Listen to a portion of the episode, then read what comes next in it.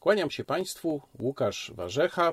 Przede wszystkim, jak zwykle, pozdrawiam wszystkich moich widzów, subskrybentów, a szczególnie ciepło pozdrawiam mecenasów, czyli tych, którzy zdecydowali się wspierać mój kanał, a pozdrawiam ich szczególnie ciepło, dlatego że niestety w ostatnim czasie mm, YouTube za pomocą swoich genialnych algorytmów blokuje monetyzację w zasadzie każdego mojego nowego filmu. Oczywiście nie wiadomo dlaczego, ponieważ e, na tym etapie, czyli etapie automatycznego sprawdzania przydatności filmu do wyświetlania reklam, twórca żadnej informacji nie dostaje. Dostaje ją ewentualnie dopiero po negatywnym zweryfikowaniu przez człowieka.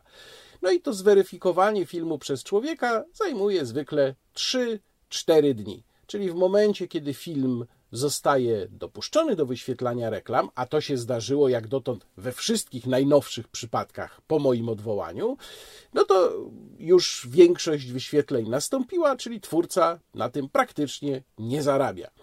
A zatem ja szczególnie dziękuję tym, którzy uniezależniają mnie dzięki swoim wpłatom od wyświetlania reklam na YouTubie. No i mam nadzieję, że będzie Państwa coraz więcej. A dzisiaj mamy kilka tematów i zaczniemy od najbardziej aktualnego, politycznego tematu, czyli orzeczenia Trybunału Konstytucyjnego w sprawie przedłużenia, właściwie nie jest to przedłużenie kadencji, tylko urzędowanie Adama Bodnara po upływie jego kadencji. No i tutaj zacząć trzeba od tego, że mm, z punktu widzenia laika obserwującego motywację tego orzeczenia, Sprawa jest dosyć dziwna, ponieważ mieliśmy do tej pory dwa przypadki, przynajmniej ja o dwóch pamiętam, kiedy to Rzecznik Praw Obywatelskich urzędował po upływie swojej kadencji. To był pan profesor Andrzej Col i to była pani profesor Irena Lipowicz. E, I w obu tych przypadkach te, mm, to urzędowanie się dosyć mocno przeciągnęło. To szczególnie, jeżeli dobrze pamiętam, w przypadku pana profesora Cola, którego następcą został świętej pamięci Janusz Kochanowski. No i teraz pytanie jest, dlaczego właściwie nagle Trybunał postanowił postawić tu jakąś granicę i stwierdzić, że pan profesor Col, który, jeżeli dobrze pamiętam, chyba ponad e, pół roku przedłużył swoje urzędowanie, mógł o tyle dłużej urzędować, a już Adam Bodnar nie może, oczywiście trochę dłużej, ale nie może. To znaczy, na podstawie czego powstała ta granica, że wtedy było wolno, a teraz nie wolno. Oczywiście mówimy tutaj już o sytuacji, kiedy e, Rzecznik Praw Obywatelskich stał się po 1997 roku urzędem konstytucyjnym. No więc to jest ciekawe. Oczywiście odpowiedź pewnie na to jest bardzo prosta, bo tak się pani magister Przyłębska umówiła z naczelnikiem. No, niemniej z konstytucyjnego punktu widzenia bardzo interesująca sytuacja. I tutaj muszę trochę historycznie odwołać się do tego, jak ja widziałem Adama Bodnara w 2015 roku, bo przecież trzeba być uczciwym i trzeba powiedzieć, jak wtedy się patrzyło, jak się patrzy dzisiaj, co się ewentualnie zmieniło. Otóż w 2015 roku sytuacja była bardzo ciekawa. Adam Bodnar, ja o tym wszystkim, nawiasem mówiąc, napisałem w najnowszym moim tekście na blogu Warsaw Enterprise Institute. Oczywiście link w opisie. Otóż, mm, gdy Adam Bodnar w 2015 roku zostawał Rzecznikiem Praw Obywatelskich, a było to w ostatnich tygodniach, kiedy jeszcze większość w Sejmie i w Senacie miała koalicja PO-PSL, czyli tak naprawdę rzutem na taśmę, to ja byłem bardzo krytyczny, ponieważ znałem działalność Adama Bodnara z Helsińskiej Fundacji Praw Człowieka i nie miałem żadnych wątpliwości, że jest to człowiek o bardzo, bardzo mocno lewicowej wizji rzeczywistości.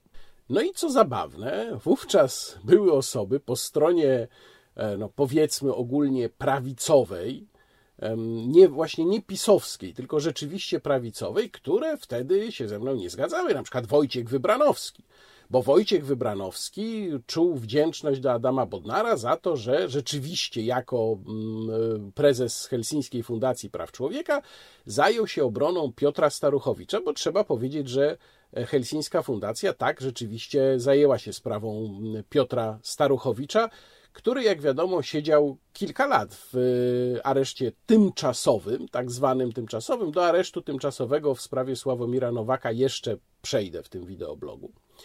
Niektórzy twierdzili, że będzie potrafił wyjść poza granice swoich poglądów.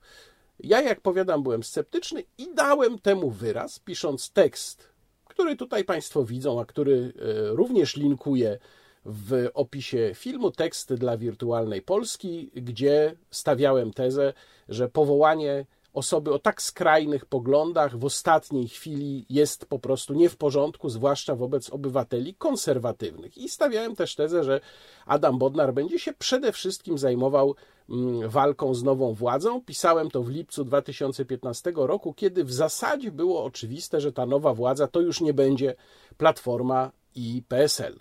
I można zapytać teraz, cóż się takiego zmieniło? Ano zmieniło się tyle, że ci, którzy wtedy Bodnara bronili jako człowieka, który przyszedł w sukurs e, Staruchowiczowi, dzisiaj raczej go już nie bronią, wręcz przeciwnie. A ja tymczasem mam stosunek ambiwalentny.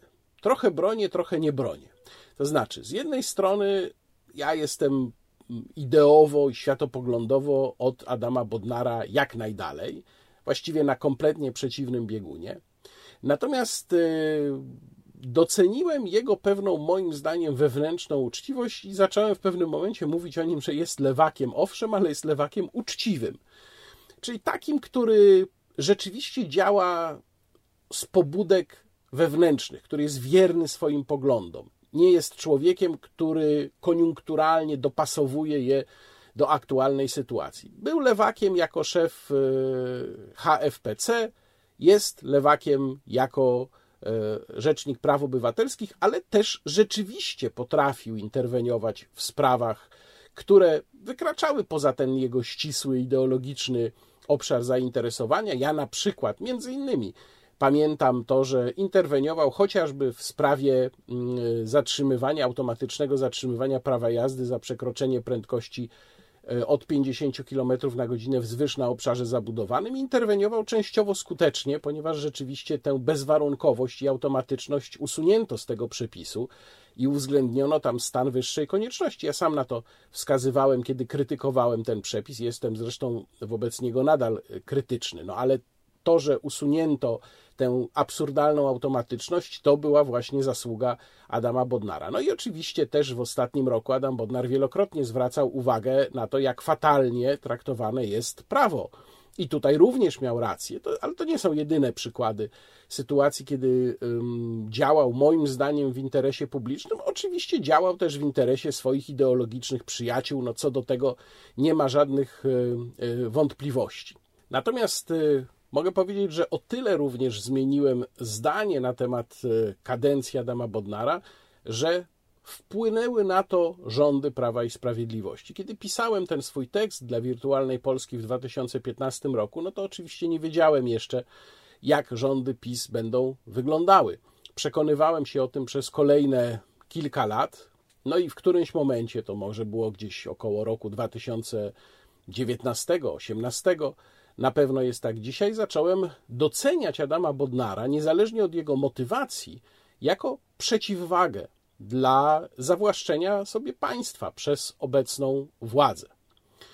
I oczywiście tu można by postawić pytanie, na przykład stawia je moja koleżanka Ewa Zajączkowska, i to jest pytanie absolutnie zasadne. Czy jeżeli teraz zostałby wybrany mm, Rzecznik Praw Obywatelskich z wyraźnym również światopoglądem, ale konserwatywnym, no to czy wobec jego pięcioletniej kadencji nie byłby to dobry sposób, żeby zrównoważyć ewentualne rządy o charakterze lewicowym, które pewnie po kolejnych wyborach nam się zdarzą, no lewicowym albo, albo centrowym, to znaczy lewicowym w sensie mocno ideologicznym, bo oczywiście PiS, jak Państwo wiedzą doskonale, to również jest lewica, tylko że taka patriotyczna, prawda, siermiężnie patriotyczna.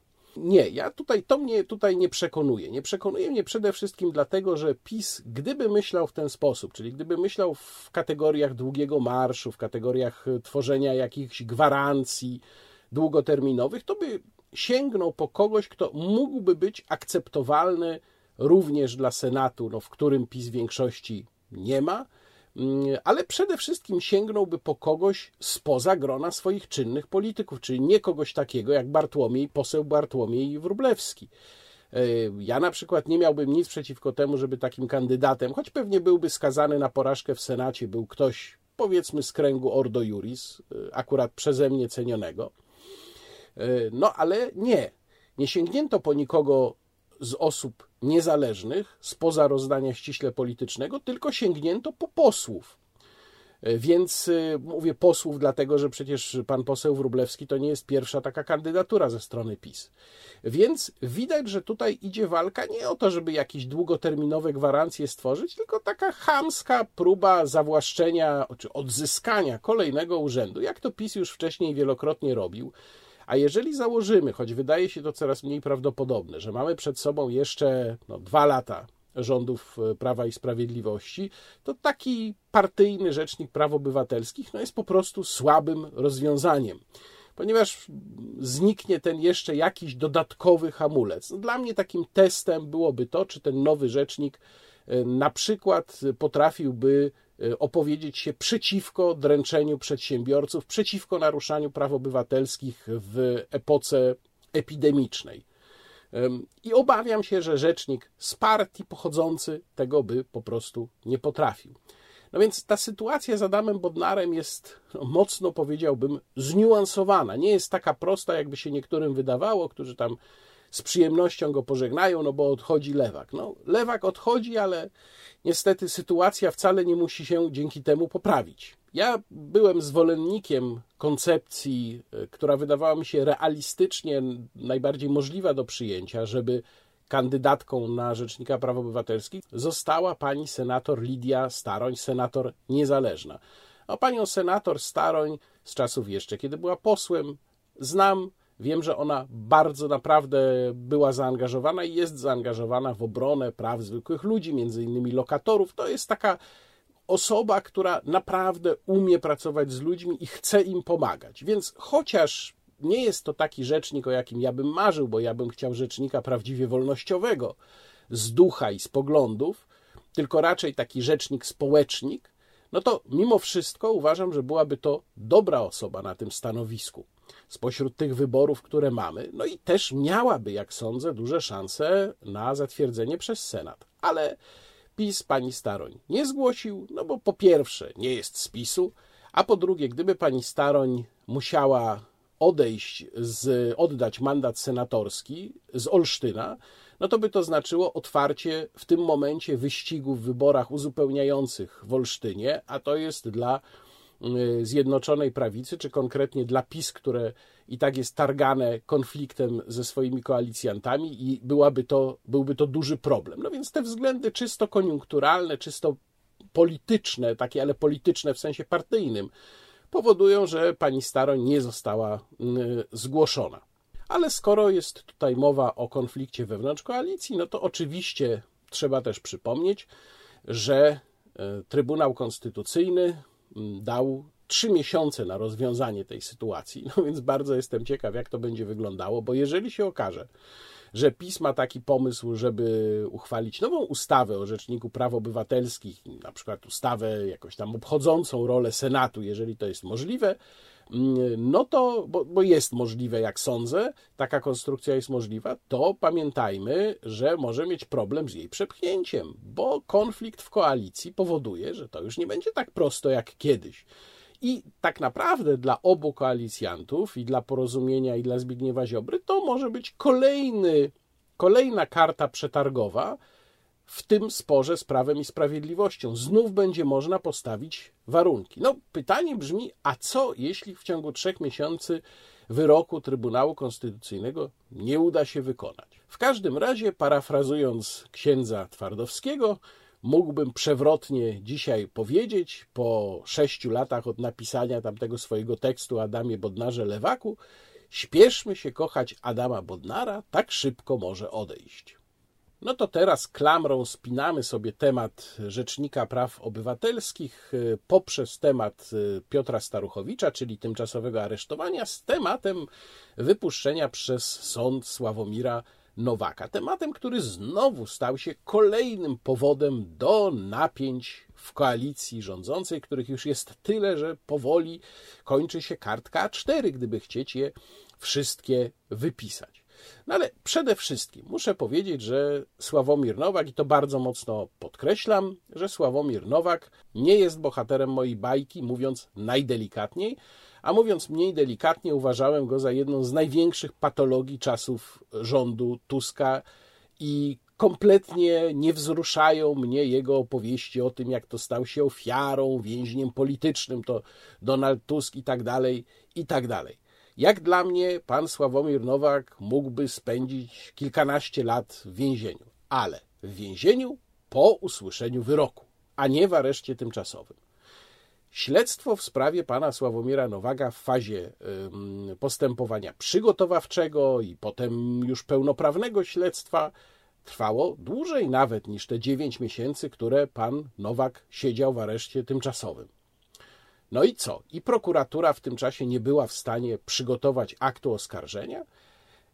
Już od dawna wiadomo, wspominałem wcześniej tutaj o porażającym raporcie Fundacji Courtwatch Polska z 2019 roku, mówiącym o nadużywaniu aresztowania tymczasowego w Polsce, że instytucja aresztowania tymczasowego, która przypominam jest środkiem zapobiegawczym, a nie karą, jest w Polsce ewidentnie nadużywana. I to często jest nadużywana w taki sposób, to mówi y, prezes Fundacji Courtwatch Polska Bartosz Pilitowski, y, że prokuratorowi jest najwygodniej mieć podejrzanego w areszcie, bo wtedy ma go na każde zawołanie, nie musi się specjalnie spieszyć ze swoim śledztwem. Jak trzeba przesłuchać, no to proszę bardzo, dostarczamy podejrzanego na przesłuchanie, a podejrzany sobie siedzi i tak sobie może siedzieć bardzo długo. No i w tym wypadku sąd powiedział dosyć. I nawet jeżeli by założyć, że pani sędzia Domańska, jeżeli dobrze pamiętam, która wydała to orzeczenie, jest członkiem Justiti, tej strasznej Justiti, która oczywiście walczy z rządem. No i od razu zaczęto ją tam rozrabiać na portalu TVP Info. Ach, kimże ona jest? No ale przepraszam bardzo, naprawdę trudno mi krytykować sędziego za to, że po dziewięciu miesiącach czekania przez podejrzanego w areszcie, mm, sędzia postanawia wypuścić go na wolność. Nawet jeżeli tutaj był jakiś motyw polityczny, to suma summarum ta decyzja jest słuszna. No, prokuraturo, nie byłaś w stanie przygotować aktu oskarżenia przez tyle czasu. No, sorry, to jest wasza wina. Ale teraz pojawia się bardzo ciekawy wątek, wątek właśnie konfliktu w koalicji, bo on oczywiście jest.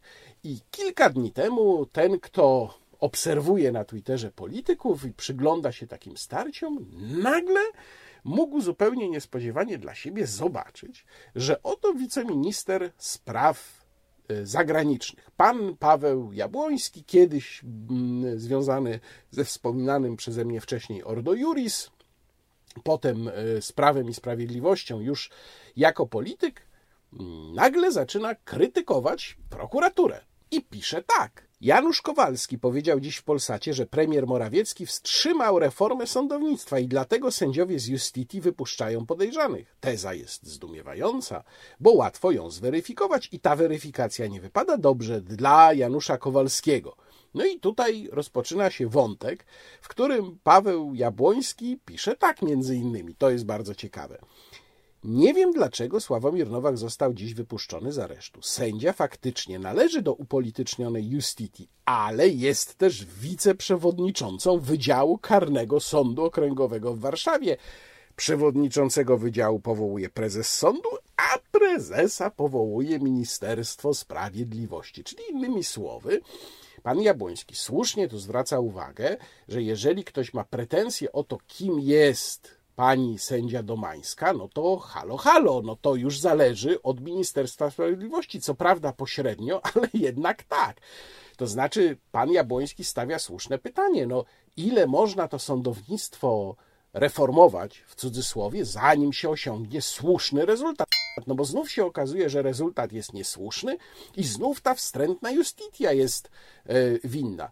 Żeby było jasne, ja kompletnie nie podzielam politycznego zaangażowania sędziów z Justiti, mm, niektórych sędziów w szczególności, ale to jest zupełnie tutaj obok tematu. Dalej pan Jabłoński pisze: Nie znam materiału dowodowego w sprawie Nowaka. Fakt, że sądy stosowały areszt przez 9 miesięcy, wskazuje na bardzo duże prawdopodobieństwo, że jest winny, ale o tym musi orzec sąd w procesie karnym, który to proces ciągle nie może się rozpocząć, bo ciągle nie ma aktu oskarżenia. Trudno zrozumieć, dlaczego w tak ważnej sprawie przez ponad rok śledztwo zaczęło się przed zatrzymaniem Sławomira Nowaka. Nie dało się przeprowadzić wszystkich czynności dowodowych, przesłuchać świadków, zabezpieczyć dowodów, zamknąć śledztwa i napisać aktu oskarżenia.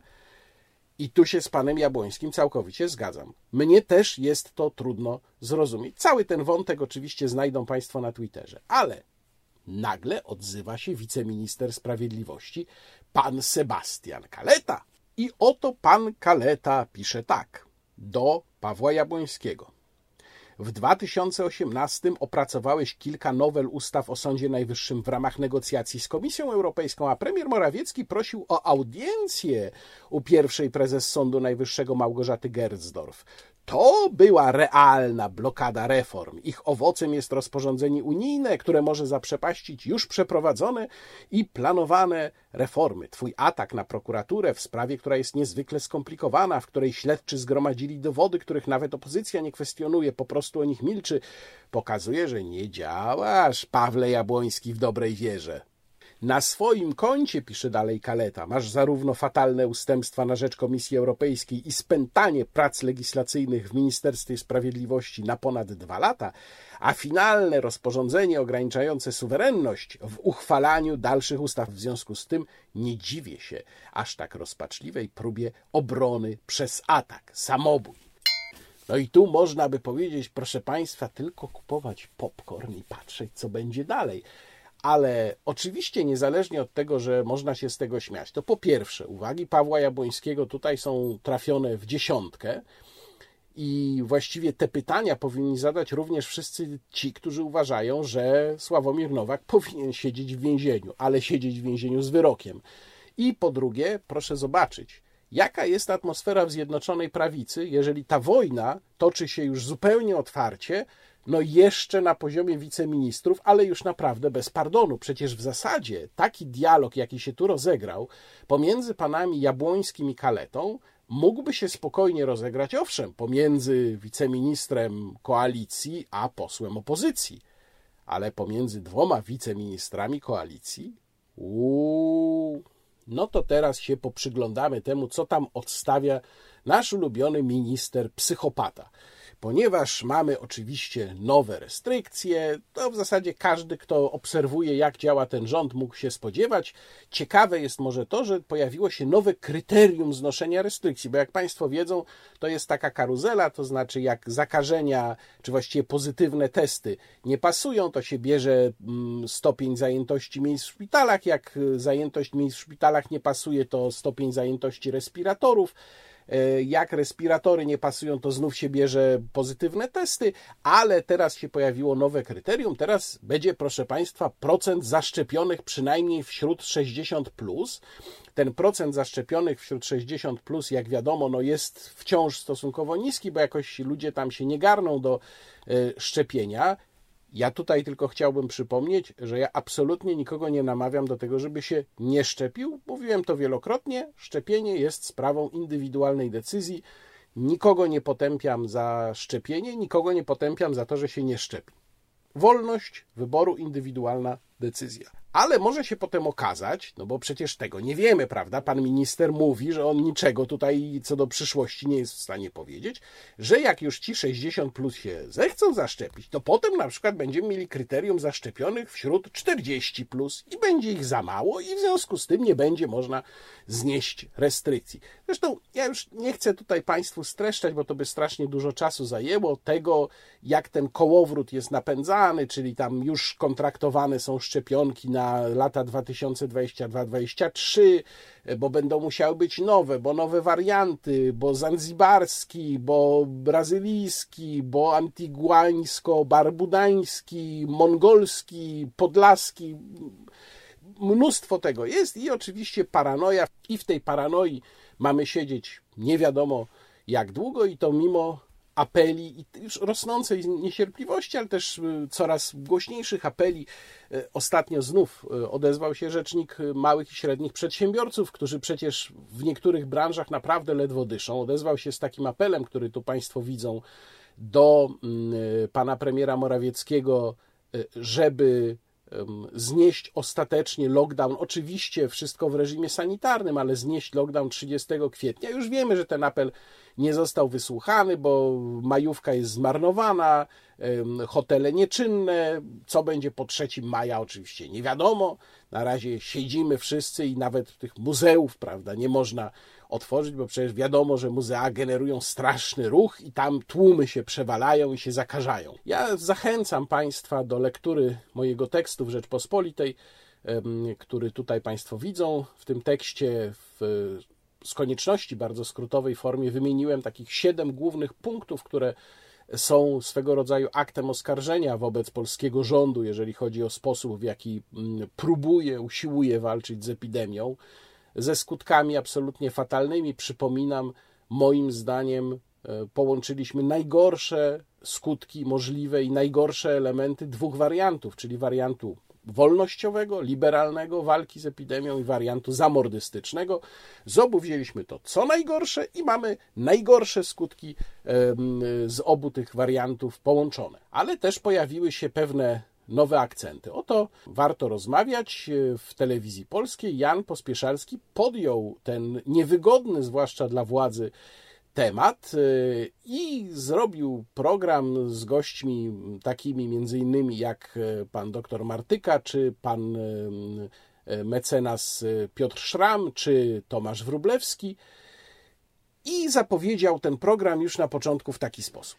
Nigdy nie wrócimy już do normalności, ostrzega minister Niedzielski, przedłużając obostrzenia. Członkowie Rady Medycznej przy premierze obwiniają za ten stan rzeczy niesforne społeczeństwo. Niektórzy lekarze, w tym profesor Simon, wskazują wręcz jako winnych katolików, którzy podobno przenoszą zakażenia, tłocząc się w kościołach. Coraz większa grupa lekarzy głośno wyraża swój niepokój wobec przyjętej, bezalternatywnej, jak widać mało skutecznej polityki zdrowotnej rządu. Ale zamiast debaty z tymi medykami i naukowcami, Rzecznik Odpowiedzialności Zawodowej Naczelnej Izby Lekarskiej wszczyna wobec nich postępowania dyscyplinarne. W dramatycznej sytuacji są też przedsiębiorcy, którzy mimo tarcz i doraźnej pomocy bankrutują i likwidują firmy. No i po takiej zapowiedzi to oczywiście rozumieją Państwo, że każdy miłośnik maseczek i lockdownów, to musiał się złapać za serce i ze zgrozy właściwie upaść jak rażony piorunem. Jak można takie rzeczy wygadywać w telewizji publicznej? No i tutaj odezwała się la pasjonaria Prawa i Sprawiedliwości, przypomnę, la pasjonaria, namiętna rewolucjonistka hiszpańska Dolores Ibaruri, autorka słynnego hasła No pasaran, Joanna Lichocka. To znaczy Joanna Lichocka jest taką pisowską wersją Dolores Ibaruri. Odezwała się Joanna Lichocka i napisała na Twitterze tak. Skandaliczny przekaz programu Warto rozmawiać w TVP wymaga moim zdaniem także reakcji Rady Mediów Narodowych. No tak przypadkiem się składa, że Joanna Lichocka-La Pasjonaria sama jest członkiem Rady Mediów Narodowych, więc ona niejako apeluje sama do siebie. Joanno, musimy zareagować. Oczywiście, Joanno, musimy zareagować. Na najbliższym posiedzeniu złożę projekt stanowiska Rady Mediów Narodowych w tej sprawie. Zwrócę się do Kurski.pl o wyjaśnienia, jak to możliwe, że w TVP nadawany jest program atakujący walkę z epidemią, podważający politykę rządu w tej sprawie. Jak to możliwe, że jakiś program w TVP może podważać politykę rządu w tej sprawie? W jakiejkolwiek sprawie podważający noszenie maseczek i tym podobne. To kolejny raz, gdy coś takiego dzieje się w TVP. Niedopuszczalne przekroczenie granic. No i jest jeszcze oczywiście sugestia, że Jan Pospieszalski jest przeciw lockdownowi, ponieważ nie może zarabiać koncertami. I to jest Joanna Lichocka Anno Domini 2021. Ale uruchommy naszą maszynę czasu i przenieśmy się trochę w przeszłość, no tak mniej więcej o jakieś pięć lat. E, chciałam zadać pytanie, czy przypominają sobie Państwo, jak wyrzucani byli dziennikarze i twórcy z mediów publicznych, z Polskiej Agencji Prasowej po tym, jak rządy objęła koalicja, nad nimi PO, PSL, SLD. Ja przypomnę kilka nazwisk. Bronisław Wilczstein, Rafał Ziemkiewicz, Jacek Karnowski, Krzysztof Skowroński, Marek Pyza, Anita Gargas, Katarzyna Hejke, Tomasz Sakiewicz, Jacek Sobala, Michał Karnowski, Anna Sarzyńska, Witold Gadowski, Mariusz Pilis, Agata Ławniczak, Jolanta Hajdasz, Wanda Zwinogrodzka, Artur Dmochowski, Piotr Skwieciński, Maciej Świrski, Krzysztof Karbowski, Marcin Wikło, Bartłomiej Wróblewski. Minuty nie starczy, żeby wymienić wszystkich. Wyrzuciliście wszystkich, którzy nie byli wam powolni, wszystkich, którzy byli krytyczni wobec tej koalicji. Został jeden Jan Pospieszalski. Został jeden Jan Pospieszalski. Został jeden Jan Pospieszalski. Tych, do których nie mieliście pełnego zaufania, wyrzuciliście do firmy leasingowej. To jest wasz szacunek do wolności słowa. Tak, proszę państwa, to jest, a właściwie była ta sama teoretycznie Joanna Lichocka, Dolores i Baruri PiSu. No ale jak widać, czasy się zmieniają, punkty widzenia i siedzenia się zmieniają. Kiedyś Jan Pospieszalski był jedynym sprawiedliwym, który został w TVP, a dzisiaj robi rzeczy skandaliczne, ponieważ podważa maseczki i politykę rządu podważa, a to już no, w ogóle jest absolutnie skandaliczne. Nawiasem mówiąc, Jan Pospieszalski chyba poszedł tropem mojego poprzedniego i jeszcze wcześniejszego e, wideoblogu, ponieważ przypomniał również o tych zapowiedziach profesora Matyi, które ja pokazywałem w swoim wideoblogu już jakiś czas temu, zapowiedziach z komisji, Senackiej Komisji Zdrowia, z grudnia ubiegłego roku, kiedy to pan profesor Matyja mówił, że będą na przesłuchania wzywani nieposłuszni lekarze. No i zaczęli być wzywani, ale o tym już mówiłem w poprzednim wideoblogu, więc nie będę tego powtarzał.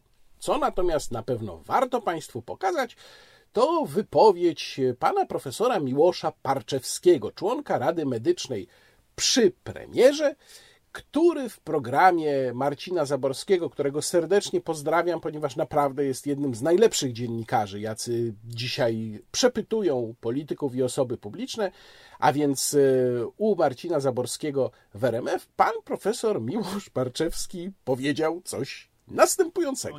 Rzeczywiście otwarcie salonów fryzjerskich jest y, dyskutowane w różny sposób i wiele krajów nigdy ich nie zamknęło. Więc tak naprawdę nie ma dobrych danych, że ta decyzja była dobra. No to pytanie, ja jak wy podejmujecie decyzję, panie profesorze? No bo, no bo czy mają państwo badania, które pokazują, jak wygląda przenoszenie wirusa w salonie fryzjerskim i jak wygląda przenoszenie wirusa w przedszkolu i żłobku i jak to ze sobą porównać?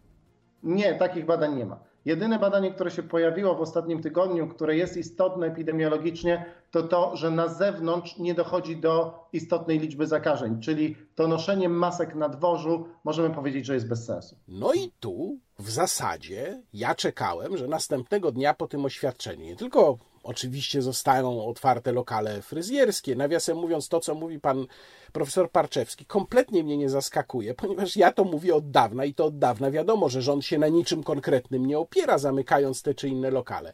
No ale to potwierdzenie faktu, że na zewnątrz dochodzi do minimalnej liczby zakażeń i w związku z tym noszenie maseczek na zewnątrz jest bez sensu, no, powinno skutkować natychmiastowym zniesieniem tego obowiązku. To mówi człowiek z Rady Medycznej, czyli ciała, które i tak patrzy bardzo wąsko, ale przecież ciała, które doradza premierowi. I nawet sprowokowany został tutaj Grzegorz Jankowski do tego, żeby napisać, że może należałoby zrezygnować z tych maseczek noszonych na dworze. Tak, proszę Państwa, Grzegorz Jankowski. Ale nie, bo tu wchodzi mój ulubiony minister psychopata i pisze tak, cytując jeden z tekstów w internecie. E, no tu jest cytat po angielsku, można przetłumaczyć go tak. E, systemowy przegląd opublikowany w lutym stwierdził, że mniej niż 10% stwierdzonych zakażeń SARS-CoV-2 E, miało źródło na dworze. I pisze pan minister tak, przy wysokim poziomie zachorowań te 10% ma znaczenie. No i nie porównujmy tłumu na światłach z samotnym spacerem w parku. No to teraz poświęćmy trochę czasu i rozmontujmy te argumenty pana ministra Niedzielskiego na czynniki pierwsze. Pierwsza sprawa jest w ogóle taka, że nie wiem dlaczego pan minister pisze o tłumach na światłach i samotnym spacerze w parku, bo W parkach to akurat jest czasem bardzo dużo ludzi, a przypomnę, że w parkach nie trzeba mieć y, zakrytego buzi i nosa. Proponuję panu ministrowi, żeby na przykład przeszedł się do łazienek w ładny dzień weekendowy i zobaczył, jak ludzie sobie stoją w kolejkach do kawiarni, w której oczywiście nie można usiąść, ale można tam cały czas coś kupić. I zobaczył potem, jak wygląda, jak to wygląda w porównaniu z tym, jak ludzie stoją na światłach.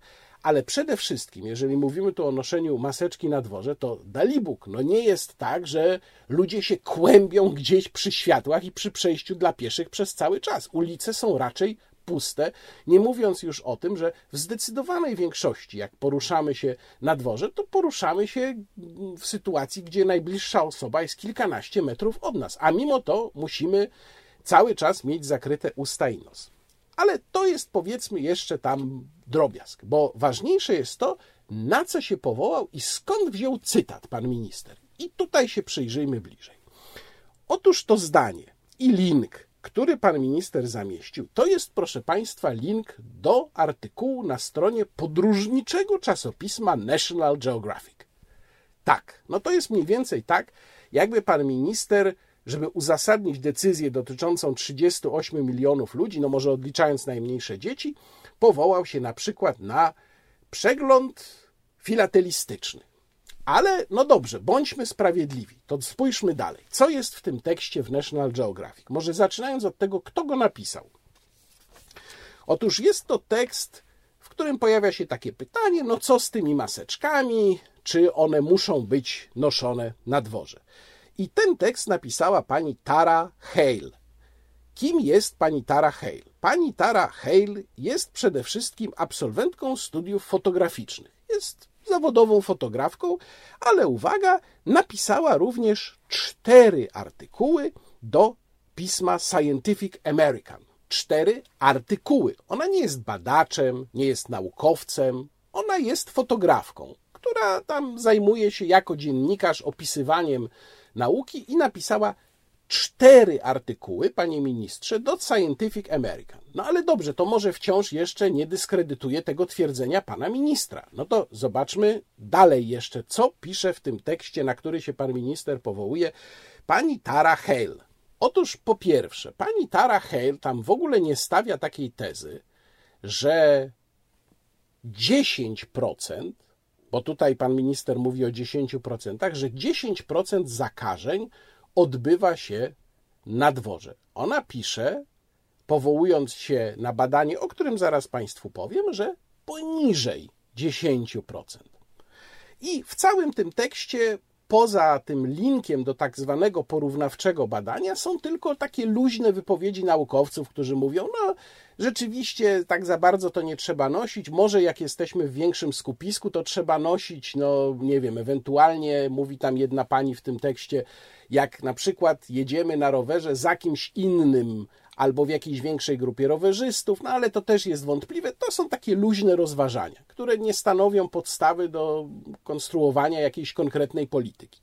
Natomiast jedyny konkretny link, który w tym tekście na który, przypominam, powołuje się pan minister, się pojawia, to jest link do tego właśnie porównawczego badania mm, skonstruowanego w e, lutym tego roku. Co to jest badanie porównawcze w tym wypadku? No to jest takie zestawienie innych badań, czyli naukowcy nie robią sami badań, tylko przyglądają się innym badaniom i na podstawie tego próbują wyciągnąć jakiś zbiorowy wniosek. W podsumowaniu, w takim streszczeniu czytamy: pięć studiów, pięć badań, które wzięto pod uwagę, stwierdziło, że e, infekcje SARS-CoV-2, do których dochodzi na dworze, to poniżej 10%, natomiast możliwość e, transmisji wirusa wewnątrz jest bardzo wysoka w porównaniu z możliwością transmisji na zewnątrz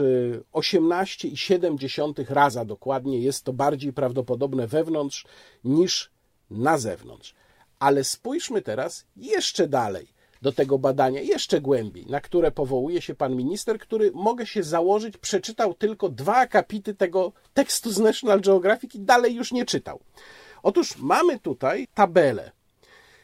Ta tabela pokazuje dokładnie jaką liczbę przypadków zakażeń na zewnątrz stwierdzono w poszczególnych badaniach, które były brane pod uwagę przez naukowców, jak sobie robili to porównanie. No i mamy tutaj na przykład takie zestawienia. Na 7324 przypadki w ogóle, dwa przypadki zakażeń na zewnątrz. Na 103 przypadki, cztery przypadki zakażeń na zewnątrz. Na 10 926 przypadków 95 przypadków zakażeń na zewnątrz. I oczywiście mamy też ocenę efektów. No więc ta ocena efektów wygląda w poszczególnych badaniach, tam gdzie dało się to stwierdzić, następująco. Poniżej 1% mm, transmisji wirusa na zewnątrz. 5% transmisji na zewnątrz, ale powiązanych z wykonywaną pracą. Możliwość transmisji w ścisłym kontakcie wewnątrz 18,7 raza wyższa niż na wolnym powietrzu, poniżej 1% transmisji na zewnątrz. Więc gdyby pan minister był uprzejmy, zamiast poprzestać na przeczytaniu dwóch akapitów po angielsku, może zrozumiał, może nie, bo tu nawet nie mam pewności, tylko sięgnął głębiej, sięgnął do tego konkretnego badania, na które się powołuje autorka tekstu w National Geographic, to by zobaczył, że to badanie kompletnie nie podpiera jego wniosku, jego kłamliwego po prostu stwierdzenia o 10%. Bardzo mi przykro to powiedzieć, ale albo pan minister Niedzielski w ogóle nie czyta tego, co linkuje i czym podpiera swoją szaleńczą politykę, albo zwyczajnie i ordynarnie kłamie, wychodząc z założenia, że trzeba nas utrzymywać w strachu i trzeba kazać nam wciąż nosić maseczki na dworze ze względów, jak to powiedział, behawioralnych. Tymczasem mamy badanie, jeszcze jedna ciekawa rzecz, bo tak naprawdę to badanie, o którym ja tutaj mówiłem, to ono wspiera tezę, że oczywiście noszenie maseczek na dworze jest kompletnie bez sensu. I mamy jeszcze jedno takie badanie, to jest y, zestawienie, właściwie nie badanie, tylko zestawienie przypadków y, z Irlandii.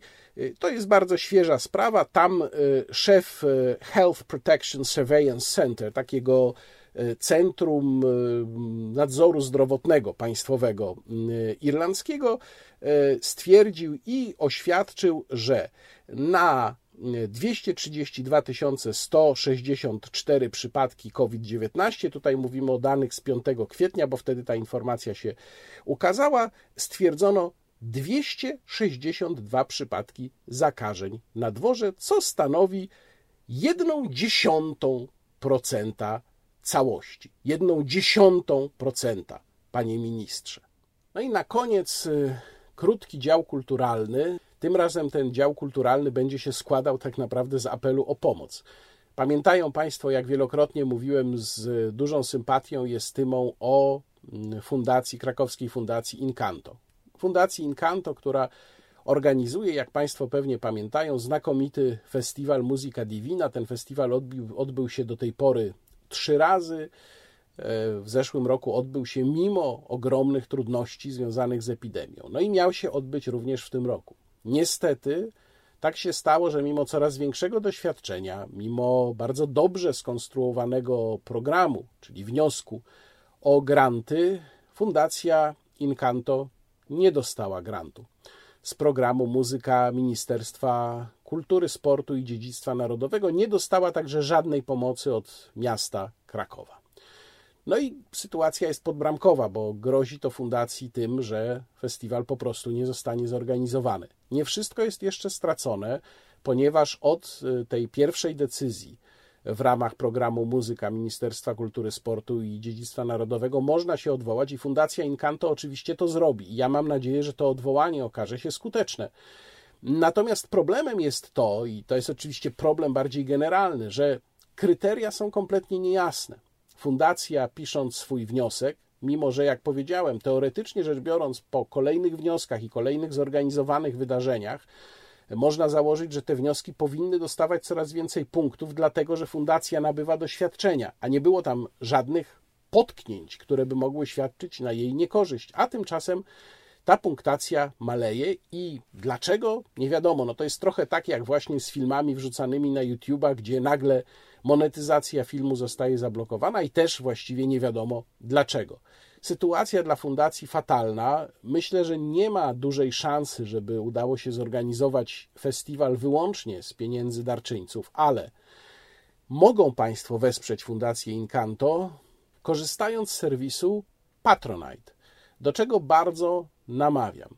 Być może w przyszłości będzie tak, i to jest cel fundacji, że festiwal Muzyka Divina uniezależni się od publicznych pieniędzy. Bardzo bym tego chciał. To jest w ogóle zresztą temat na dłuższą dyskusję jak powinny być finansowane tego typu inicjatywy. Ja tu nie podzielam zdania tych z Państwa, którzy twierdzą, a wiem, że tacy są, bo czytam komentarze pod swoimi mm, filmami, którzy twierdzą, że w ogóle nie powinno państwo łożyć na tego typu inicjatywy, że w ogóle nie powinno wspierać w żaden sposób kultury. Z tym się nie zgadzam. Natomiast uważam, że mechanizmy tego wspierania powinny zdecydowanie wyglądać inaczej i być e, zdecydowanie przejrzystsze. Na razie mamy ten konkretny problem. Ja namawiam do tego, jeżeli ktoś może, jest w stanie, żeby wsparł na Patronite Fundację Incanto w jej bieżącej działalności.